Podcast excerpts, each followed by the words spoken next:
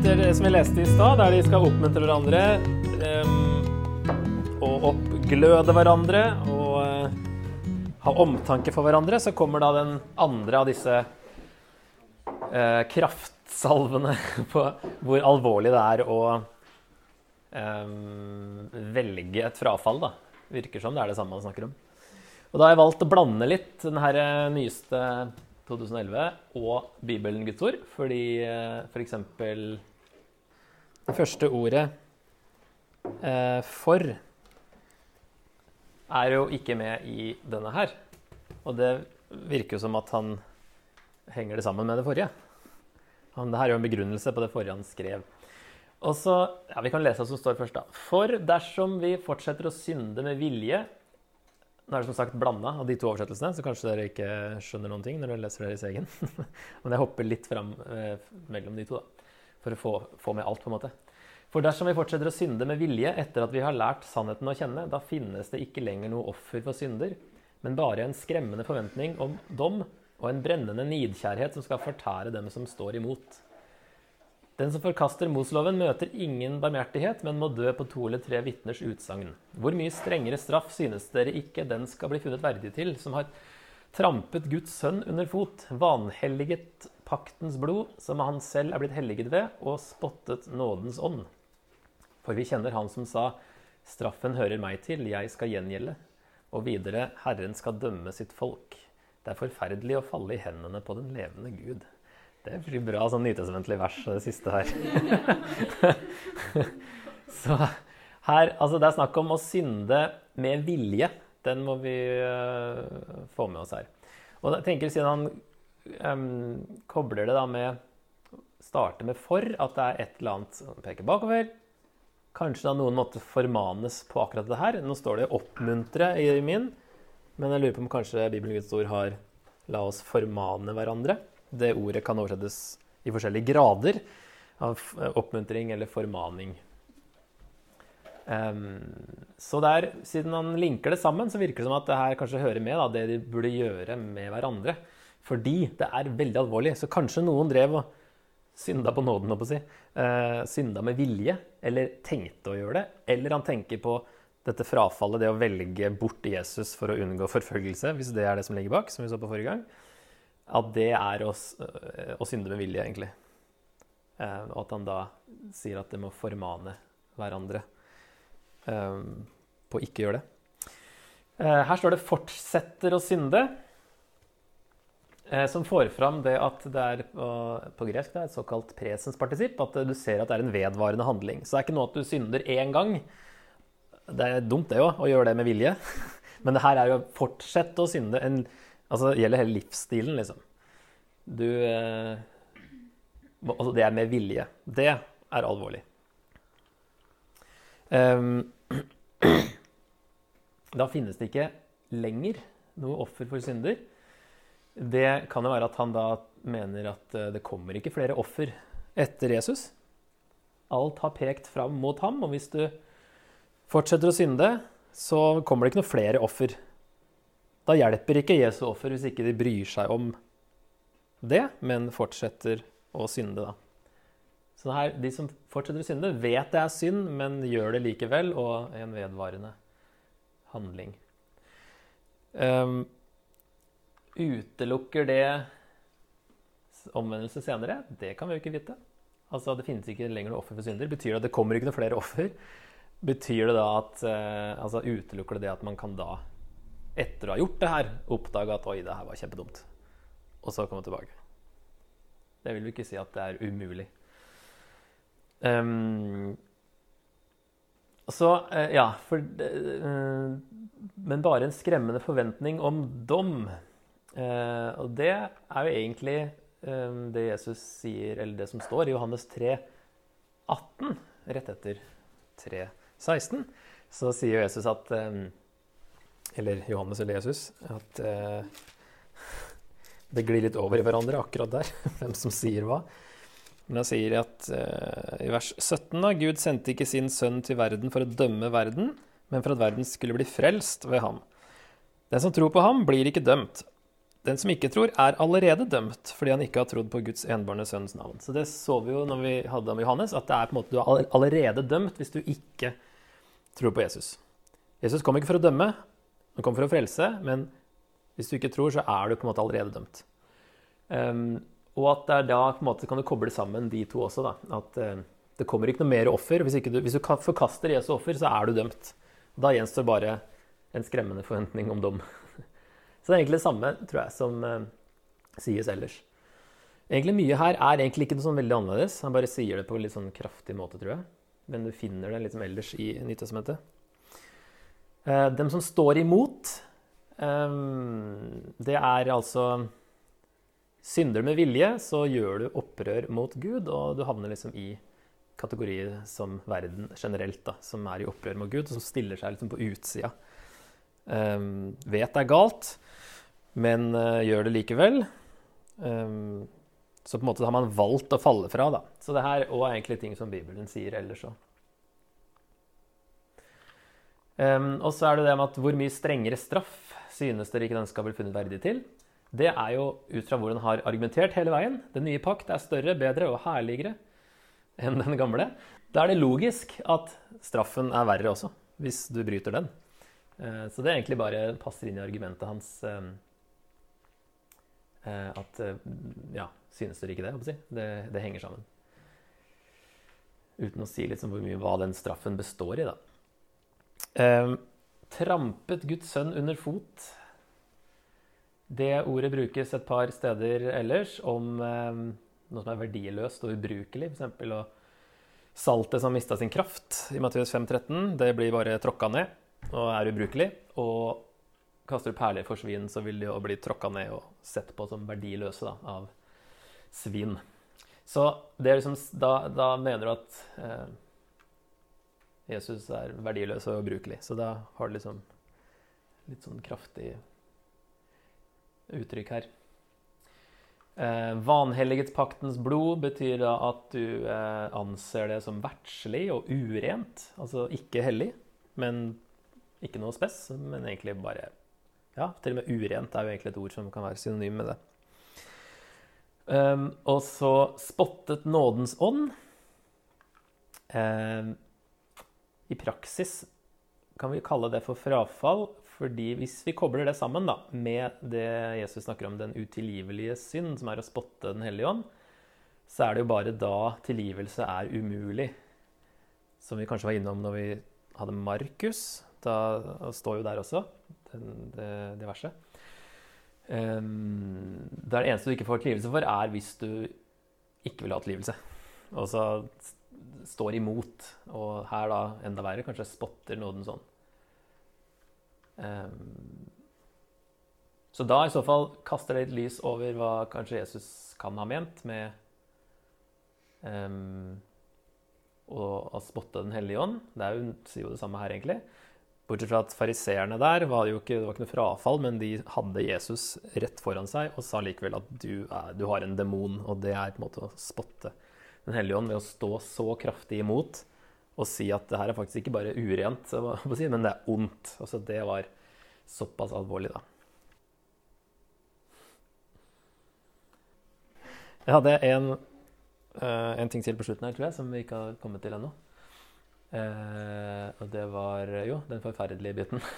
Forferdelig fall i hendene på den levende Gud. jeg drar egentlig bare en kobling til at det blir en dom over opprøret, håper jeg de som står imot Gud. At, um, det er jo for å advare dem dette her, og at det er, at det er dommen han snakker om. da. Det er ikke at Gud blir liksom plutselig mye verre på en eller annen måte. Altså Det er den samme dommen det er snakk om. Men at de har satt seg utenfor, og sammen med de som skal bli dømt. Men det han kommer til rett etterpå her, er å si at uh, han minner dem om noe som de har holdt ut tidligere. Tenk nå eh, tilbake på den første tiden, altså vers 32. Den gangen dere ble opplyst, og siden holdt ut i de lidelsene dere måtte kjempe med. Snart ble dere hånt og plaget for øynene på folk, snart gjorde dere felles sak med andre som måtte gjennomgå det samme. Ja, dere led med dem som satt i fengsel, og fant dere med glede i at det dere eide, ble røvet fra dere. For dere visste at dere eier noe som er bedre, og som varer. Og da er det mange som tenker at det kan være 15 år tidligere ca., i år 49, da alle jøder da ble utvist fra Roma. Og at det kanskje er det han snakker om, selv om det gjaldt jo jødekristne og andre jøder. Eh, men at de kanskje Det var pga. uroligheter rundt Kristus, som eh, det står i Suetonius som skriver det. Romersk historiker. Så det var jo pga. Kristus at det ble bråk, og Claudius, keiser Claudius ble lei og kasta ut alle jøder. Uansett om de trodde på Jesus eller ikke, så kanskje de fikk gjennomgå enda mer for, fordi de jødene som ikke trodde på Jesus, òg ble kasta ut, og de ble sinte pga. det og sånne ting. Så det er mulig at det er det han snakker på, at de har blitt kasta ut av Roma tidligere, og da liksom takla de eh, det greit, holdt på å si. Um, og så han minner dem om da at de var ganske ivrige i starten for å få dem tilbake da, til den samme holdningen, at de holder på å bli litt slappe nå. Um, egentlig samme taktikk som han gjorde i, i kapittel 6. Først en sånn kraftsalve, og så en litt sånn derre Vi vet at det ikke er sånn hos dere. Dere er bedre enn det her. ikke sant? sa han i kapittel 6. Og her er det liksom Husk på, var, dere var jo så flinke før. Si. Dere holdt ut alt det greiene. Um, fordi, de, fordi, dere vet at dere eier noe som er bedre, og som varer. Å ha det blikket framover. Altså de, de, visste En eller annen hendelse var det i hvert fall. At de holdt ut fordi de hadde det blikket på Jesus og visste at det de trodde på, var bedre enn en det de kunne eh, oppnå i verden, eller lide. Og så kommer jo det kjente verset si, Kast ikke vekk frimodigheten, for den gir stor lønn. Um, er det et bibelsk påskudd for å være pågående og grense mot frekkhet? Fordi det er sånn det verset veldig ofte blir brukt. Jeg vet ikke hvordan dere har hørt det. Men jeg hører, har hørt det mange ganger blir brukt på den måten at det lønner seg alltid å være frimodig, fordi det har stor, stor lønn. Og da er det jo liksom ja, da må kunne være pågående, og så vil jo folk liksom Ja, ja, greit, liksom. Og så ja, der fikk du stor lønn. Så har de tenkt at det er god samvittighet for å pushe litt, for å få min vilje. Tar man bare det verset ut av sammenhengen, så kan det jo lett forstås sånn. I sammenhengen er det ikke tankene til han som skriver her engang, om at det er eh, det han mener. De andre gangene han bruker dette ordet, er i 3.6 hans hus er vi, så sant vi holder fast på frimodigheten og det håpet som vi er så stolte av. Så definerer han mer hva slags frimodighet det er snakk om. da. La oss derfor, i 4.16, og så har han snakket om la oss derfor, siden vi har en øverste prest som er prøvet i alt på samme måte som vi, frimodig tre fram for nådens trone, så vi kan finne barmhjertighet og finne nåde som gir hjelp i rette tid. Og så, ikke minst det vi leste i stad, så har vi da søsken frimodighet ved Jesu blod til å gå inn i helligdommen, dit han har innviet en ny og levende vei for oss, gjennom forhenget, som er hans kropp. Og så kommer vi da til kast. Derfor står det jo også egentlig. Det er ute av den derre 2011, eh, men det står i Bibelen Guds ord. Kast derfor ikke bort deres frimodighet, som har stor lønn. Så det er ikke noe sånn plutselig sånn gullkorn om å alltid være frimodig som plutselig dukker opp her. Det er i det her klimakset hans, si, eller den delen av, av brevet. Frimodigheten er jo frimodigheten vi har ved Jesu blod til å gå inn i helligdommen. Til å komme inn, for, inn i Guds nærhet. Den frimodigheten må de ikke kaste fra seg ved å kaste vekk Jesus. ikke sant? Det er noe helt annet enn å være alltid er frimodig og, og kjøre på og eh, stor lønn er liksom noe mer enn bare en liten ting som gikk din vei her på jorda, da. Så det er liksom der jeg blir litt eh, Altså, jeg så det bare mer og mer nå, hvor utrolig ut av kontekst det verset ofte brukes. Når det er den Det er en veldig viktig del av poenget hans da, i dette brevet. Den frimodigheten dere har i Jesus til å gå inn i Guds nærhet. Ikke kast bort den. Så Jesu verk gir oss ren samvittighet og frimodighet til å komme fram for Gud i hans nærhet innerst i det aller helligste. Ikke kast den bort ved å forkaste Jesus. Det er jo det verset betyr. Jeg fant eh, et sitat som eh, passer veldig bra her. When a train goes through a tunnel and gets dark, you don't throw away the ticket and jump off. You sit and trust the engineer. Trust God today, no matter how dark your situation. God says you are coming out. Så det er noe samme her. Ikke kast bort. Nå, hvis det er forfølgelse som pågår, da, så ikke, ikke kast bort Jesus. Fordi det ser uh, mørkt ut nå. Eh, som en fin link til et tog i en tunnel. Så da har vi liksom kommet eh, hit. Disse her sammenligningene er ferdig, og så er det tre kapitler igjen. Kapittel 11 er jo kjent med, for det her er trosheltene fra GT. Og så begynner han å gå mot en avslutning her med 'hold ut og se på Jesus', og så ja, avslutning i kapittel 13. Um, ja, vi må ta, bare bit, hente inn noen slides fra en annen. Uh, for nå kommer vi til vers om tro. 11.1. Uh, men hvis du slår opp 'tro' i norsk ordbok, så får du veldig mange sånne vage Først at det betyr veldig mye, da. Tro er liksom anta noe, forestille seg noe, mene noe. Ha tiltro til, begynne å bli litt fastere. Stole på, være nesten sikker på, føle seg sikker på, være overbevist om. Så det er veldig spenn på å anta noe og være overbevist om. Og i Bibelen så er det den betydningen som brukes, og ikke den vi vanligvis tenker på i norsk, som er liksom det motsatte av å vite. Når du ikke er sikker, så tror du. Eh, I bibelspråk si, så er tro det å være rasjonelt overbevist om, faktisk. Hvis du slår opp i gresk eh, ordbok, leksikon, ehm, så er det fem definisjoner. Første, vanligste, eller hoveddefinisjonen, er to consider something to be true and therefore worthy of one's trust. Det er litt mer enn å bare anta noe. ikke sant? Da, da, da har du tillit, for du tror at dette er sant. To entrust oneself to an entity in complete confidence. Altså ganske sikkert. Complete confidence. Entrust something to someone, altså betro noe. Uh, be confident about. Og så er det ikke før på den femte at du kommer til think eller consider possible. Brukes bare tre ganger, og aldri om å tro på Jesus eller tro på Gud. Dette er helt så å si, verdslige bruk av ordet. Så i Bibelen så er det ikke det her jeg tror eller altså, ikke kan vite, men man pleier da å oppsummere eller definere tro i Bibelen som at det å være rasjonelt overbevist om at noe er sant. Det er ikke noe som går imot fornuften. Man bruker fornuften til å komme til et punkt der man har nok beviser til å tro. Og så er jo tro det du tror uten å kunne bevise det. Men du har nok beviser til at du tror det er sant, det du ikke kan bevise også. Og det gjelder jo hva som helst annet. Det er ikke bare tro på Gud og Jesus det er snakk om. Så når vi kommer til verset her, så har jeg valgt Bibelen Guds ord her òg, fordi av en eller annen grunn så har de gått over til å bruke pant i denne 2011-troen. er et pant på det vi håper. Eh, mens de fleste oversettelser, både norsk og engelsk, har, altså, og den forrige til Bibelselskapet har at tro er full tillit. Eller overbevis Nei, full visshet, står det kanskje før. Til det en håper på. Overbevisning om det en ikke ser. Og Det passer veldig godt inn i den definisjonen. At man er rasjonelt overbevist og har full tillit. Og det er ikke håp heller, sånn er norsk eh, språk håp. Håpet i Bibelen er løftene Gud har gitt oss om hva som kommer. Å si frelsen. Håpet er mye sikrere i Bibelen. Både tro og håp er mye sikrere enn på norsk. For ved den fikk de eldste godt vitnesbyrd. Ved tro forstår vi at verden ble formet ved Guds ord at de ting som ses, ikke ble til av de synlige ting. Der òg, ved tror, forstår vi. Det er ikke noen motsetning der heller.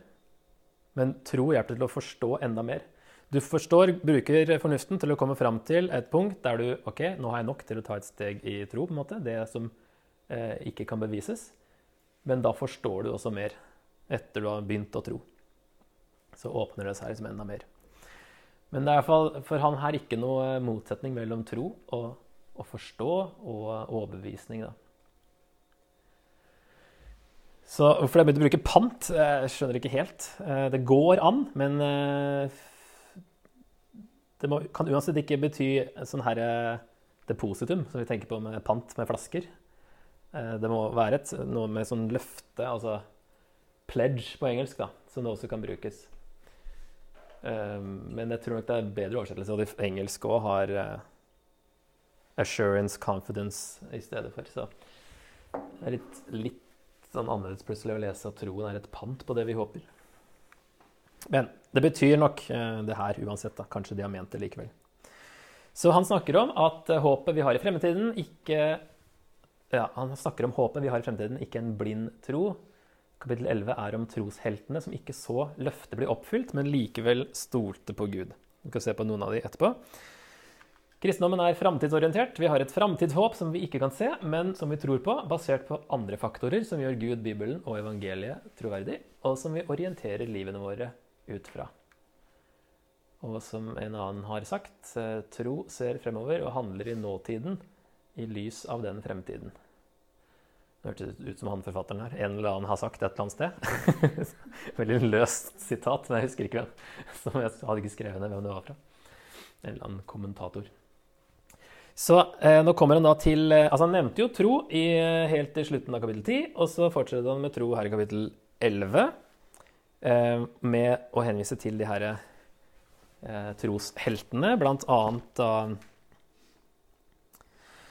eh, ja, Kain og Abel først. Det er Kain som Vi kan jo lure på hvorfor Gud likte hans offer bedre enn Abel, Kain sitt, når vi leser Første Mosebok. Men her sier han fordi Abel trodde. Så det er jo et eller annet med troen her som, er, som var bedre si, enn hos Kain. Og han også ga et offer av første et, altså et førstefødt dyr. Mens det virker som Kain bare bar fram ett offer. Uten at det var liksom et liksom offer han, han la sjela i. Jeg si. Eh, Enok han får spesiell omtale i 15, Første Mosebok 5 fordi han vandret med Gud. Så han hadde òg tro. Det virker som det ordet betyr. Ehm, så er det Noah og Abraham som har ulike måter da, å vise at de har tro til Gud på. Men alle har tillit til Gud på at han snakker sant, og tror, de tror at Gud er til å stole på. Så det er mer enn å tro at han fins, men at han er til å stole på at det Gud har sagt skal skje, at det kommer til å skje. Um, og så står det i vers 10.: For han ventet på byen med de faste grunnvollene, den som, Gud, den som er Gud til byggmester og skaper. Så der ser han framover mot liksom den himmelske byen av det himmelske Jerusalem. Som han, som han, hadde fått et løfte om, på en måte. At han skulle få Det er dit historien skal. Men alle de her, ingen av de her ser, eh, ser det bli oppfylt, men de har likevel tro på Gud hele veien, da. Um, og i vers 22 om Josef så står det at han eh, i tro talte Josef da han lå på det siste, om israelittenes utgang fra Egypt, og han ga påbud om hva de skulle gjøre med knoklene hans. Så der vet Josef òg at en gang så skal dere ut av Egypt fordi Gud har lovt at vi skal få et land. Så det kommer til å skje. Jeg vet ikke når, men når det skjer, så ta med dere knoklene mine, for jeg vil være begravd der. liksom. Så han hadde tro på at Guds løfter kom til å skje en gang i framtida. Um, og så ja, er det Moses, mye om Moses nedover. Og så Rahab, som da har alle en sånn tillit til at Gud snakker sant. Og så kommer han til vers 32. Da har jeg slengt opp den her. Og hva skal jeg ellers nevne? Tiden strekker ikke til hvis jeg skal fortelle om Gideon, Barak, Samson og Jefta, om David, Samuel og profetene. Ved tro vant de over kongeriker, holdt retten oppe, fikk løfter oppfylt, Lukket gapet på løver, slukket voldsom ild, slapp unna bitende sverd, gikk fra svakhet til styrke, ble sterke i krig og slo fiendtlige hærer på flukt. Kvinner fikk tilbake sine døde, de hadde stått opp. Noen ble torturert og avslo å bli kjøpt fri, for de ville heller nå fram til en bedre oppstandelse. Andre måtte tåle spott og piskeslag, ja, til og med lenker og fengsel. Noen ble steinet, saget i stykker eller drept med sverd. Andre måtte gå omkring i saueskinn og geiteskinn, nødlidende, forfulgt og mishandlet. Verden var dem ikke verdig, og de måtte flakke omkring i, høy, i øde trakter og på fjell og holde til i grotter og huler.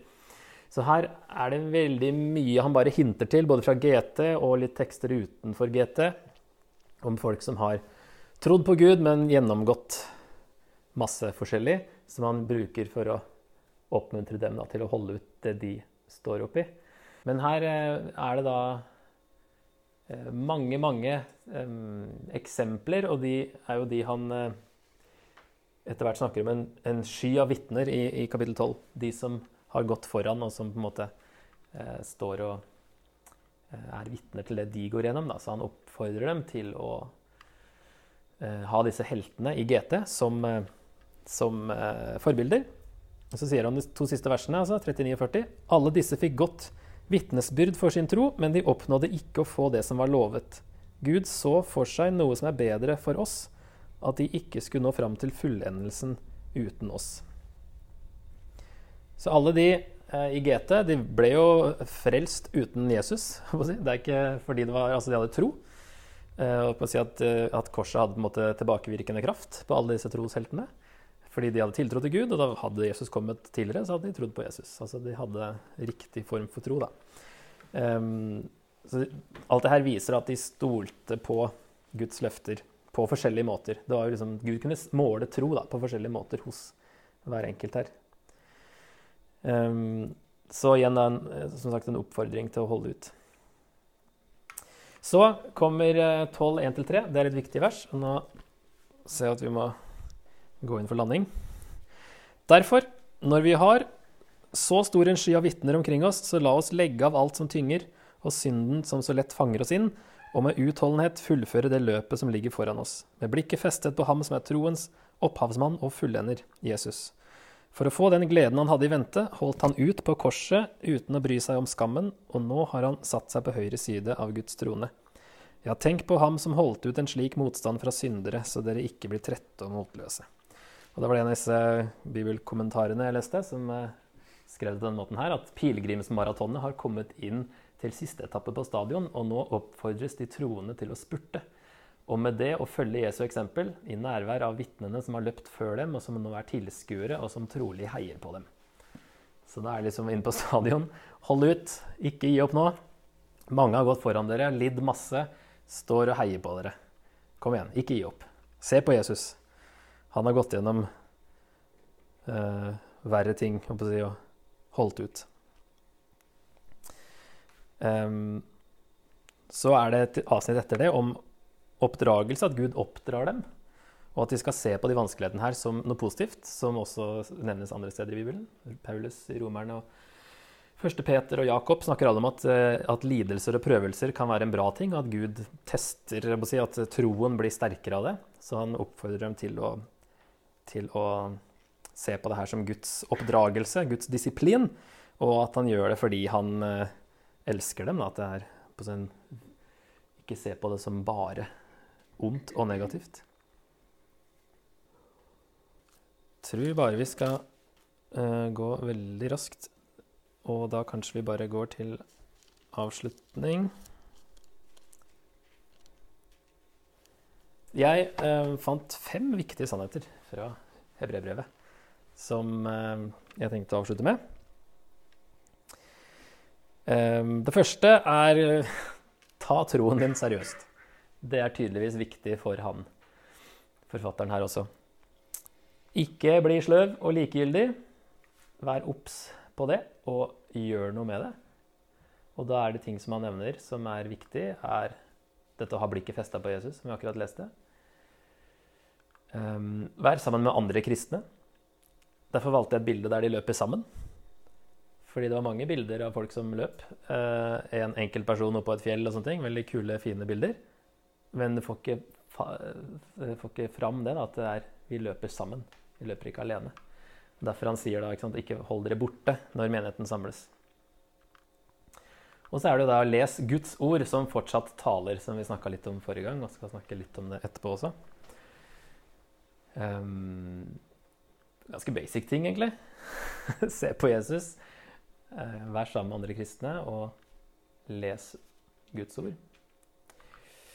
Oppglød hverandre, som man sier òg, og se til at ingen går bort fra Guds nåde. At det kan være passe på hverandre og litt, og ikke bare Altså, vi løper sammen, ikke sant? Det er ikke bare sololøp. Eh, passe på oss sjøl, men også passe på andre. Men ikke det at vi blir dømmende, som, men at det er, eh, vi passer på hverandre. Det gjør vi litt for lite av, tror jeg, i eh, vestlig kristendom. Jeg er litt redd for å si noe som helst til andre. Å finne en god måte å gjøre det på er jo kanskje verdt et studium. Men um, i hvert fall så er han, det er et stort poeng i brevet her. da. Dette er seriøse greier. Det er ikke noe du liksom bare putter på som en, et tillegg på, på, livet ditt. Det her er det viktigste, du må være fokusert. Snakker Paulus mye om òg, at det her er det du bør løpe etter. Og I, i Gamletestamentet hadde de jo alle disse høytidene for å minne dem på hva Gud hadde gjort.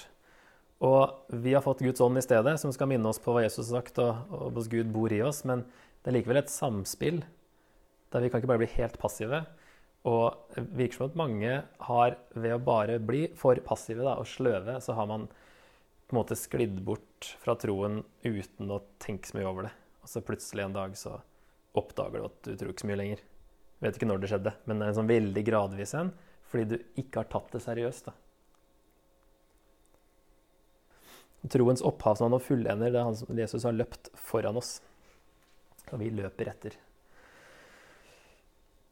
Så er poenget En del av poenget er å løpe sammen, altså fellesskapet.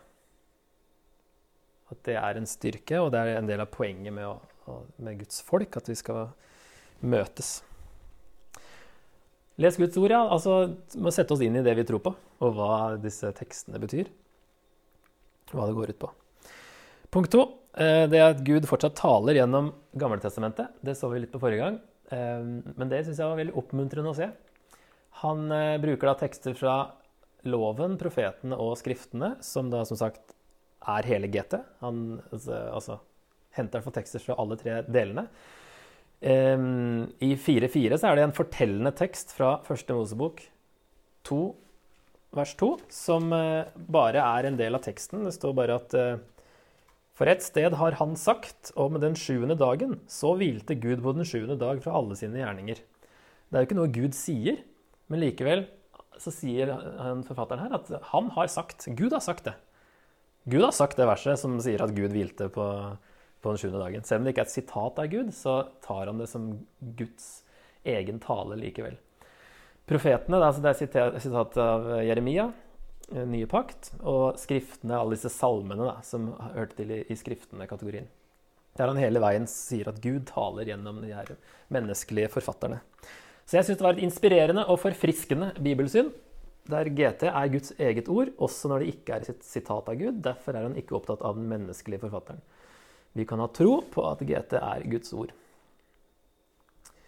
Og selv om GT pekte fram mot og ble oppfylt av Jesus, og må leses gjennom Jesus, så taler Gud fortsatt gjennom det han har sagt tidligere. Guds ord er levende og virkekraftig i 4.12, og vi må la det tale til oss. Så det er på en måte det er ikke, Altså, Jesus er eh, linsa, heter det det på norsk? The lens, som vi leser gjennom. Eh, leses i lys av Jesus, men Gud taler likevel gjennom GT. Og Det så vi på forrige gang, og altså det her med å bruke Bibelen i taler og andakter også, sånn at Guds ord kan fortsette å tale når andakten er slutt. Og så ikke forherde oss, da, som han er vel opptatt av. Når vi hører Guds ord, ikke forherd dere. Vær åpne for at Gud kan tale til oss gjennom Bibelen. Tredje punktet Nå ble jeg litt, litt småpolitisk og bitte litt uh, Vet ikke, jeg. Ikke så veldig kontroversielt. Bitte litt. Ikke bli for opptatt av jødedommen.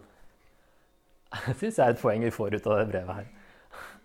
Vi har noe som er mye bedre, og som alt pekte fram mot den rette ordningen og det sanne bildet. Vi har oppfyllelsen og selve poenget. Eh, kunnskap om jødedommen i GT hjelper med forståelse, men får deg ikke nærmere Gud. Og jeg tror i hvert fall ikke at du involverer deg i jødedommen i dag, får deg nærmere Gud. Men det er noen som tenderer i den retningen. Vi har alt vi trenger i Jesus, også frimodighet til å gå helt inn til Gud. Og så Gud har gått videre og kommer ikke til å gå bakover igjen. Tempelet vil nok ikke bli gjenoppbygget. tror ikke jeg. Gud har sin glede i bekjennelse i tro og nestekjærlighet, sier eh, hebreerbrevet, ikke ofringer. Det er veldig rart man skulle gå tilbake igjen, og at ofringene skal bli gjenopptatt, som noen eh, tror skal skje. Da. I lys av brevet her så syns jeg det virker veldig lite sannsynlig. Kast ikke bort frimodigheten. Vi har frimodighet til å komme fram for Gud med en renset samvittighet pga. Jesu verk. Gud vil at vi skal ha god samvittighet. Ikke kast bort denne frimodigheten ved å holde deg borte fra Gud pga. dårlig samvittighet, eller fordi du tror Gud ikke kan tilgi det du har gjort. Du vil aldri bli avvist, heller ikke måtte gjøre bot, fordi Jesu offer var godt nok. Det der gjøre bot-greiene, det er sånn jeg så her om dagen òg på en TV-serie, der man liksom har Da er man jo ikke kristen, som regel, men man går rundt og har veldig dårlig samvittighet for noe du har gjort. Og så går det ikke an å, å gjøre opp den tingen av en eller annen grunn. Og så vil man gjøre noe annet for å gjøre bot og få bedre samvittighet. Og hvis, hvis det liksom eh, sklir over i vårt kristenliv, at vi føler at vi må gjøre det, så kan kanskje det være sånn terapeutisk. Men eh, har, altså, vi har fått rensa samvittigheten. Hvis vi føler at vi ikke har det, så er det kanskje noe annet som vi må renske opp i. Eh, det sier han flere ganger at Jesus har rensa Gud vil vi skal ha god samvittighet. Har vi ikke det etter at vi har gjort opp en synd, så er det noe annet. Kanskje vi da vet ikke, helt har skjønt hvor stort Jesu offer var, eller om vi er noe annet som ligger under.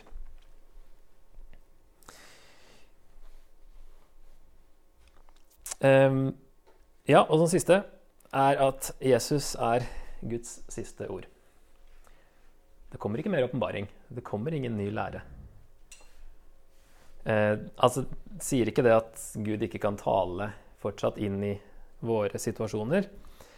Eh, men han kommer ikke til å si noe mer enn det han allerede har sagt. Det er ikke noen ny åpenbaring eller noen ny lære.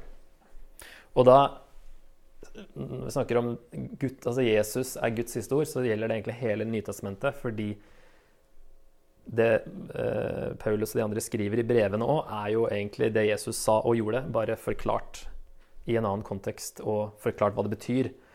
Og gjort eh, spesifikt og anvendbart. Så det er egentlig alt Nytestamentet går inn under Jesus, da, på en måte. I at det er Guds siste ord.